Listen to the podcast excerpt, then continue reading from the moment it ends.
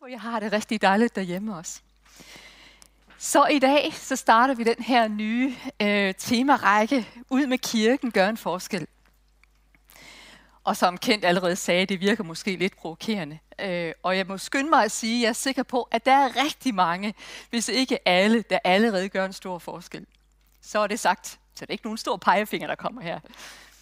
Jeg husker sloganet fra en gammel t-shirt faktisk. Der stod der, ud med kirken til folket. Og det er egentlig det, det handler om. Men må ikke det er bedre bare at gøre det, i stedet for at reklamere med det på t-shirten. Med, ønsket, med temaet så ønsker vi at sætte fokus på Guds rige, og minde os selv og hinanden om, hvorfor vi er her, og hvorfor vi er kirke her i Randers også. Hvad vil det sige at være kirke for byen? øh, for Randers og omegn og være kirke uden for kirken. Bibelen giver os øh, lidt visuel hjælp og siger, at kirken består af levende stene. Dig og mig, som samles mere eller mindre om søndagen herinde for at komme til opladning. Blive sat til opladning, ligesom sådan en robotplæneklipper, der kører ind for at blive sat til opladning. Og så bliver vi, øh, vi får energi og vision for resten af ugen. Der står, I er verdens lys. Det er et andet billede. Øh, måske er du det eneste lys, dine venner, dine naboer, dine kollegaer ser. Det har taget 10 år med Secret Prayer Service for mine gamle naboer op i Sverige, og det begynder at bære frugt nu. Ikke bare prayer service, men jeg har prayer service deroppe nu, fordi jeg ikke selv kan være der. Men I er verdens lys, så okay, hvordan skinner det lys så? Således skal jeres lys skinne for mennesker, så de ser jeres gode gerninger. Åh, så lyset skinner altså med gode gerninger. Og priser jeres fader, som er i himlene. Så folk ser de her gerninger, og så kommer de til at prise Gud. Er det ikke dejligt? Så lad os ikke elske med ord eller tunge, men i gerning og sandhed, står der i 1. Johannes. Måske er det lidt som med den barmhjertige samaritaner der var nærværende, gav af sine midler, sit fine tøj, sit transportmiddel, sin energi og tabt arbejdsfortjeneste ved at udsætte sin rejse. Må ikke de fleste bliver elsket til Jesus? Det tror jeg faktisk, de gør. Ofte gennem kærlighedshandlinger. Mere end ord. Sidste år blev en gammel nabo og klassekammerat kom til Jesus og det hele startede med, at jeg bandt en borgerbuket og gik til hendes fars begravelse. Det var lige den handling, der ramte hende. Og på den måde, hun fandt Jesus. Hvor svært kan det være? Hvis vi ser på Jakob, Jakob 2, 14. Her, for jer, som er sådan en lille smule matematiske, så kan det være, at I kan lide den her, det ved jeg ikke. Men hvad nytter det, mine brødre, hvis et menneske siger, at han er tro, men ikke har gerninger? Så altså tro minus gerninger, det kan være sådan lidt mystisk. ikke særlig håndgribeligt. Vi er ret praktiske mennesker egentlig, er vi ikke? Og så har du gerninger minus tro, det bliver ligesom humanitært arbejde, eller bare sådan socialt arbejde, som også har en værdi i øvrigt, helt klart. Men tro plus gerninger, det er simpelthen dynamit. så sker der noget. Er det ikke rigtigt? Og sådan er det altså med troen i sig selv, at uden gerninger er den død, står der i Jakob. Tager lige nogle stykker mere. Den her, den ramte mig frygteligt sidste år. Og den sidder simpelthen stadigvæk og kører i mit hjerte. Det modsatte af kærlighed er ikke had, det er ligegyldighed. Så ligegyldighed, det er ikke, øh, det er ikke neutralt. Det er værre end had. Der er et andet citat her, som ligeledes ramte sig mig, hvor godt du kender til dine medmenneskers lidelser, og jeg skal sige dig, hvor meget du har elsket dem. Aust. Kommer jeg helt tæt på? Ser jeg ligesom Jesus? Personligt føler jeg mig ramt. Jeg kommer til kort. Jeg har brug for hjælp. Og måske, bare måske, er jeg ikke den eneste, der har det sådan. Så kernen og omdrejningspunktet for i dag, det er barmhjertighed hvilket også vil blive det, ligesom det underliggende motivation for de kommende søndage.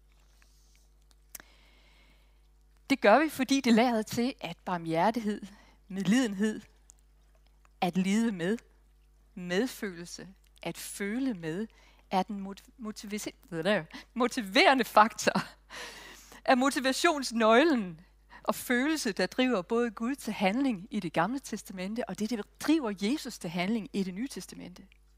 Så jeg har altså brug for at finde den her motivationsnøgle, har jeg indset. For at få slået motorvarmeren til på mit hjerte. Så de næste søndage kommer også til at handle om den her praktisk, aktive tro. Så først så har vi kendt, som kommer med et fundament af gæstfrihed. Måske er gæstfrihed den største kristne dyd. Det er der mange, der tror. Det tror jeg også. Det er kernen af mission. At ved at gøre plads ved bordet og møde mennesker med et stort velkommen. Jeg ser dig. Efterfølgende har vi ud med kirken. Det handler også om øh, diakoni. Ligesom vi hørte faktisk i indledningen, eller i, øh, her før, før selve gudstjenesten. Evangeliet må gives med begge hænder. Og her er det Rune, der kommer på. Så vi vil se på teologi for diakoni. Kirkens kald, sand guddyrkelse, er at tage sig af fattige, enker og fadeløse. Herefter så har vi Hvorfor Kirke med Michael. Her kommer der fokus på Randers og de konkrete behov, der er her i byen. Hvorfor? Hvordan kan vi være kirke for byen og møde dens behov? Michael vil hjælpe os med at se og lytte til Randers. Så er der ud med kirken til byen. Her har vi Svein der på. Uanset hvordan vi vender og drejer det, så, øh, så handler det om at elske andre. At gå på vores kald og efterlade et Jesus-aftryk. Og endelig så har vi Mark, så kommer til at tale om ud med kirken til verden. I alle vores bibler står der gå. Er det ikke rigtigt? gå ud i alverden. Også i min bibel. Hvordan skal vi besvare det kald som kirke? Hvad forventer Gud af os? Vi vil forsøge at genopdage, hvad det vil sige at være sendt, og hvad missionen er. Så vi ikke sidder med de her forestillinger om, at ah, det er en missionær med nogle lange strømper i sandalerne. Altså, vi må have et nyt billede, tror jeg måske. Det er Marks opgave. Den giver vi til ham. Men måske er du allerede ved at stå af og tænker, jeg har ikke tid til mere. Bed mig ikke om at gøre mere. Jeg har ikke kapacitet til mere. Jeg, jeg magter det ikke. Netop. Men det lader til, at der findes en katalysator, eller en forandringsagent, der får energien og salvelsen til at flyde. Nærmest på mirakuløs vis. Standarddefinitionen på en katalysator, det er en, der får en forandring til at ske. Eller en forvandling. Ligesom et ke- en kemisk agent omdanner en katalysator noget fra dens nuværende tilstand til noget andet. Det er altså en kraft eller et stof, der forårsager en forandring. Jeg tror, at katalysatoren her, det er medlidenhed eller barmhjertighed. Først må vi naturligvis selv modtage den. Og hvis du ikke selv har modtaget den, så har du mulighed for det i dag. At modtage barmhjertighed og kærlighed fra Jesus. Jeg har behov for det hver dag. Men nu er jeg så også lidt særlig, måske. Det ved jeg ikke. Hvad med jer? Men lad os se på Guds motiverende barmhjertighed. Måske nøglen findes i, hvem Gud er. I hans karakter, i hans egenskab. Jeg tror, det kan være svært at beskrive, hvem Gud er, og vi har nok lige så mange forestillinger om, hvem Gud er, som der er mennesker. De er bare ikke rigtige alle sammen. Mange har fået en dårlig introduktion af ham, og derfor fravælger ham. Han er, hvem han siger, han er. Ikke hvem jeg bilder mig ind, han er. Ikke hvem han lader, øh, lader til at være. Det er ikke mine følelser, der definerer, hvem Gud er. Tak og lov. Eller mine oplevelser af ham, eller mine fortolkninger af ham. Men her kommer, glæder jeg, drumroll. Her kommer Guds introduktion af sig selv. Er I klar? Her kommer det gamle testamentets mest citerede skriftsted af andre bibelske forfattere. Det, der kommer nu, det er simpelthen Johannes 3:16 for det gamle testamente. Det her, det er hitlisten over alle hitlister af skriftsteder. Herren, Herren er barmhjertig. Er en barmhjertig og nådig Gud, sent til vrede og rig på troskab og sandhed. Ved du hvad, det aller, aller første Gud siger om sig selv, det er, jeg er barmhjertig og sen til vrede. Det er introduktionen, vi får af ham. Det er det, han vælger at introducere os, øh, og introducere sig selv til os på. Måske er der nok nogen, der har den her lidt måske mas- maskuline øh, billede af Gud. Det er, øh, han har lige skabt hele verden, og, øh, og alt der er i den, og han er far, og han er Gud. Men den første, det første, han siger, det er ret feminint. Det er barmhjertigt. Er det ikke sådan lidt tøset? Nej, Gud han siger, nej, jeg er barmhjertig. Er det sådan, du ser Gud? Er det det billede, du har? Er, er det billede, du har af ham, er det korrekt? Her er facitlisten. Det er den, den sande definition af, hvem han er. Og hvordan han handler. Og det kommer jo egentlig med fem øh, egenskaber her. Vi ser altså bare på den første. Og ligesom zoomer ind på det i de her søndage. Det allerførste Gud siger, det er altså barmhjertig og sent til frede. Det er altså ikke den her store pegefinger, vi får. Det er ikke en vred Gud. Det er ikke billedet af ham, vi får. Nu er det lidt vigtigt at måske se sammenhængen. Så hvornår sagde han det her? Ja, det var efter, at hans folk havde været, de havde været troløse. Han havde været trofast mod sit folk. Han har udfriet dem fra Ægypten. Han har givet dem mad og drikke hele vejen gennem ørkenen. Han har beskyttet dem. Han har underskrevet en slags ægteskabspagt med Israel. At han vil være deres Gud. De må bare ikke have andre guder. Og hvad gør de så? Så laver de en guldkald og giver sig til at tilbe den her guldkald. Det er efter alt det, at Gud han siger, Herren, Herren er barmhjertig og sent til vrede. Men rachum, jeg siger det sikkert forkert, det er det hebraiske ord for barmhjertighed. Det er en intens, intens følelse. Det er at være dybt rørt. Og ordet, det hænger sammen med rakhem, livmor. altså, det er ret intens, er det ikke det? Øh, ret intimt. Det, det handler om det aller, aller inderste, og det er måske derfor, at der står i skriften, at den her rakhem, eller rakhum, den bor i din indvolde. Det var sådan, de opfattede det dengang. Det aller, aller inderste. Som en livmor. Så at være barmhjertig er at tage sig af en, som en mor tager sig af og plejer sit nyfødte barn. Det er den måde, Gud han er barmhjertig på. Og måske har du behov for at høre det i dag. Ordet bruges oftest til at beskrive Guds handlinger, som er motiveret af hans dybe følelser. Så, så siger han egentlig, ja, føl med de folk, der er omkring dig og derefter følger handlinger. Hvis jeg virkelig elsker, så kan jeg heller ikke lade være med at gøre noget. Så Gud hørte Israelitternes råb om hjælp, da de led under Ægyptens undertrykkelse. Han hører, han er Gud, der hører. Han hørte deres råb om hjælp. Han hører dit råb om hjælp. Og tvunget af hans medfølelse af, hvem han er, hans barmhjertighed, af hans rakamim, kommer han til, dem til undsætning da de går gennem ørkenen, og israelitterne er sultne og tørstige, tager han sig af dem.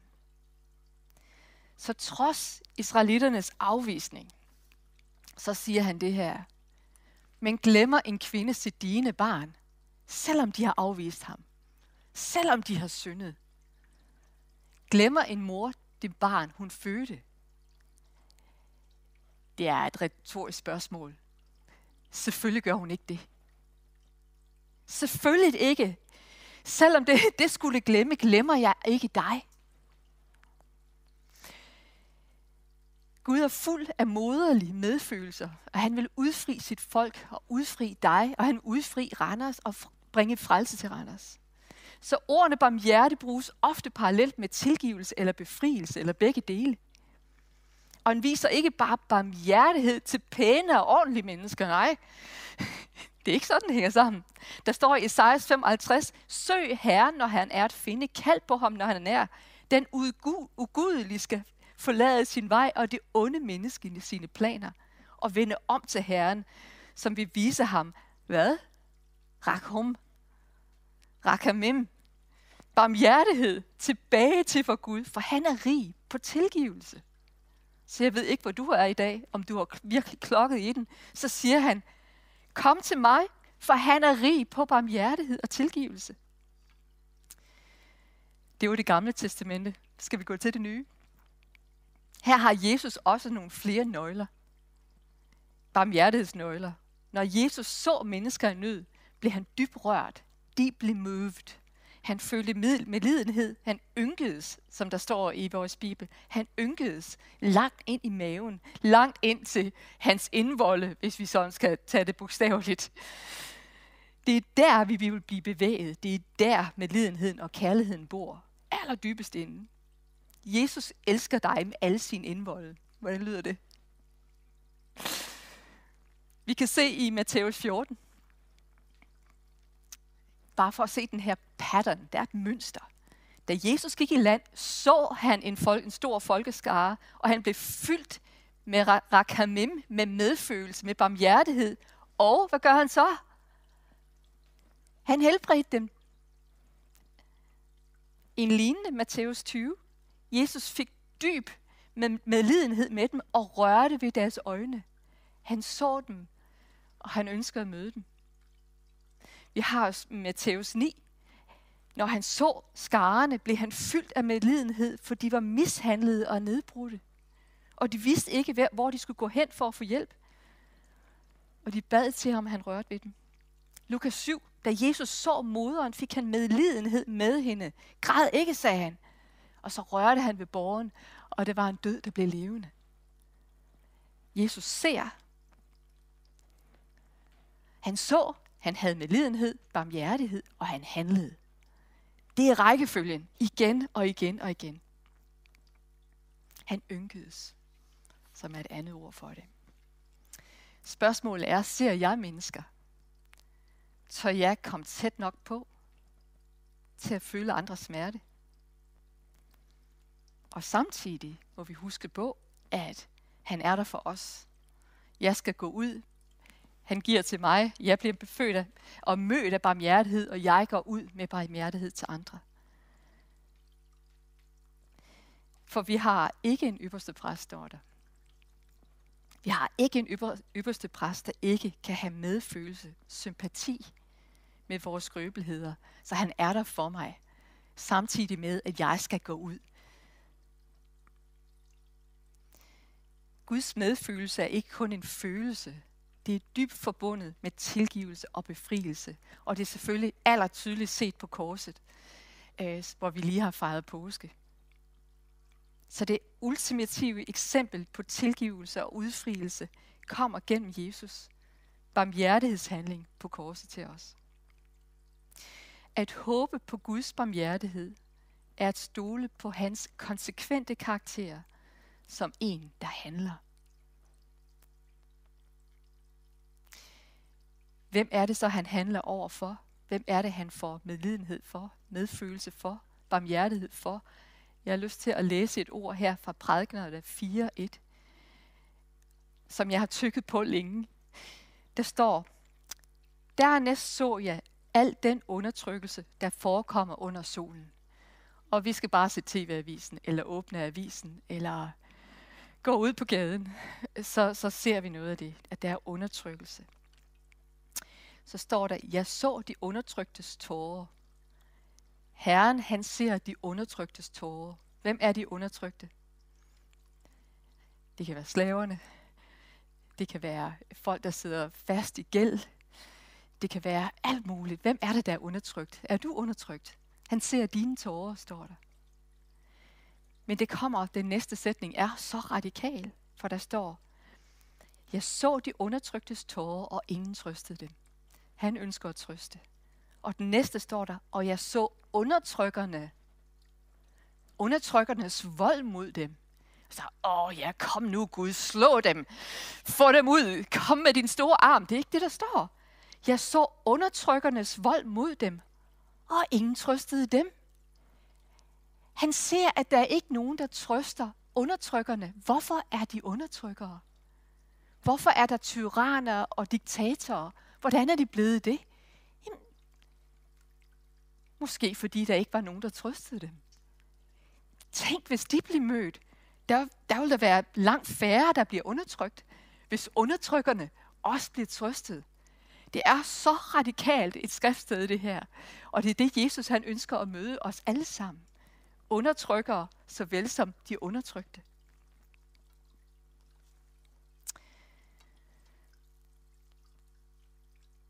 Lader jeg mig selv være sårbar, blive trøstet af Jesus? Bliver jeg mødt af hans barmhjertighed? Lader jeg mig selv ja, være sårbar og siger, at jeg har faktisk brug for hjælp? Eller jeg, jeg er faktisk ked af det. Der står i skriften, hver eneste gang israelitterne de græder ud og råber ud til Gud, så kommer han. Han har altid med lidenhed. Han har altid medfølelse, og der er altid handling. For vi har ikke en ypperste præst, der ikke kan have medfølelse med vores skrøbeligheder.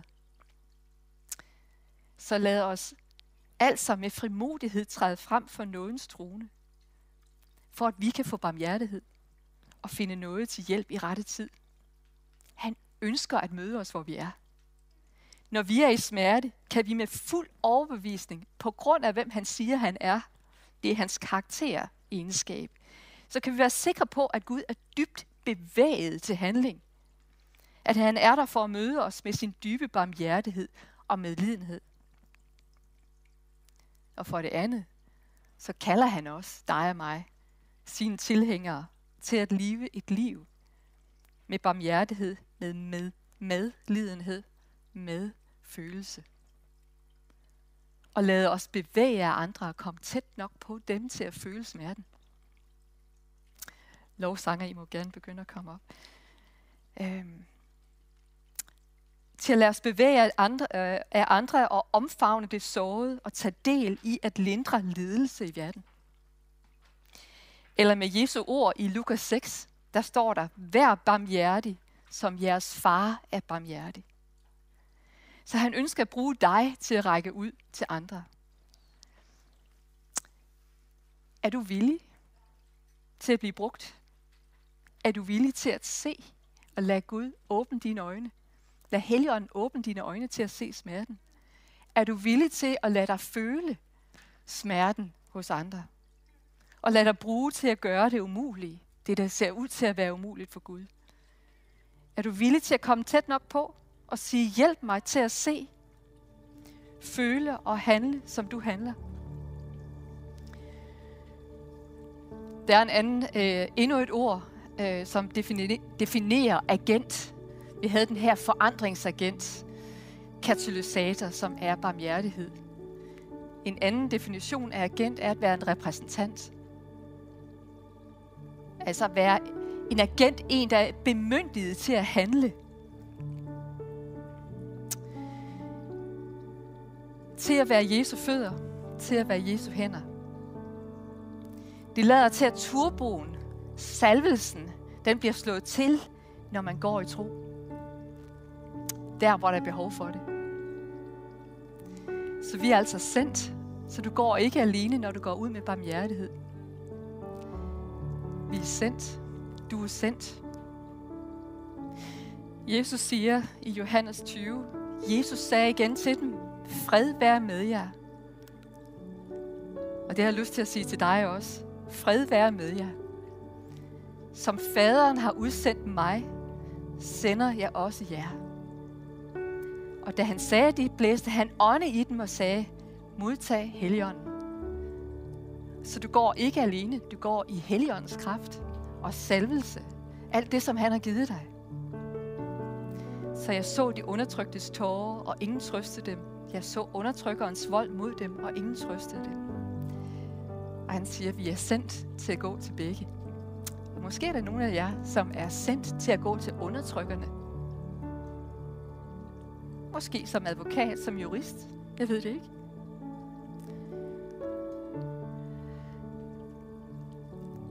Der kommer et nummer øh, op på skærmen lige om lidt, øh, og det er for at sige, at, at der er brug for, eller der, der er mulighed for forbøn. Og det kan være et, som vi så her før, at du har behov for at blive mødt med Guds barmhjertighed. Det vil han i dag, for det er hans egenskab, det er hvem han er. Så du kan ringe ind, og du kan få nogen til at bede sammen med dig og lytte til dig, og bede sammen med dig, og modtage hans velsignelse. Måske kender du ham slet ikke. Så har du mulighed for simpelthen at blive mødt af ham der. Du har også mulighed for at ringe ind og blive bedt for at blive sendt. Og sige, jeg er villig. Jeg har ikke været villig til at se, men nu er jeg villig til at se. Så fred være med jer. Send os, Herre. Led os, vi beder. Kom med din tilgivelse. Og kom med dit kald, Herre. Det beder vi om. I Jesu navn.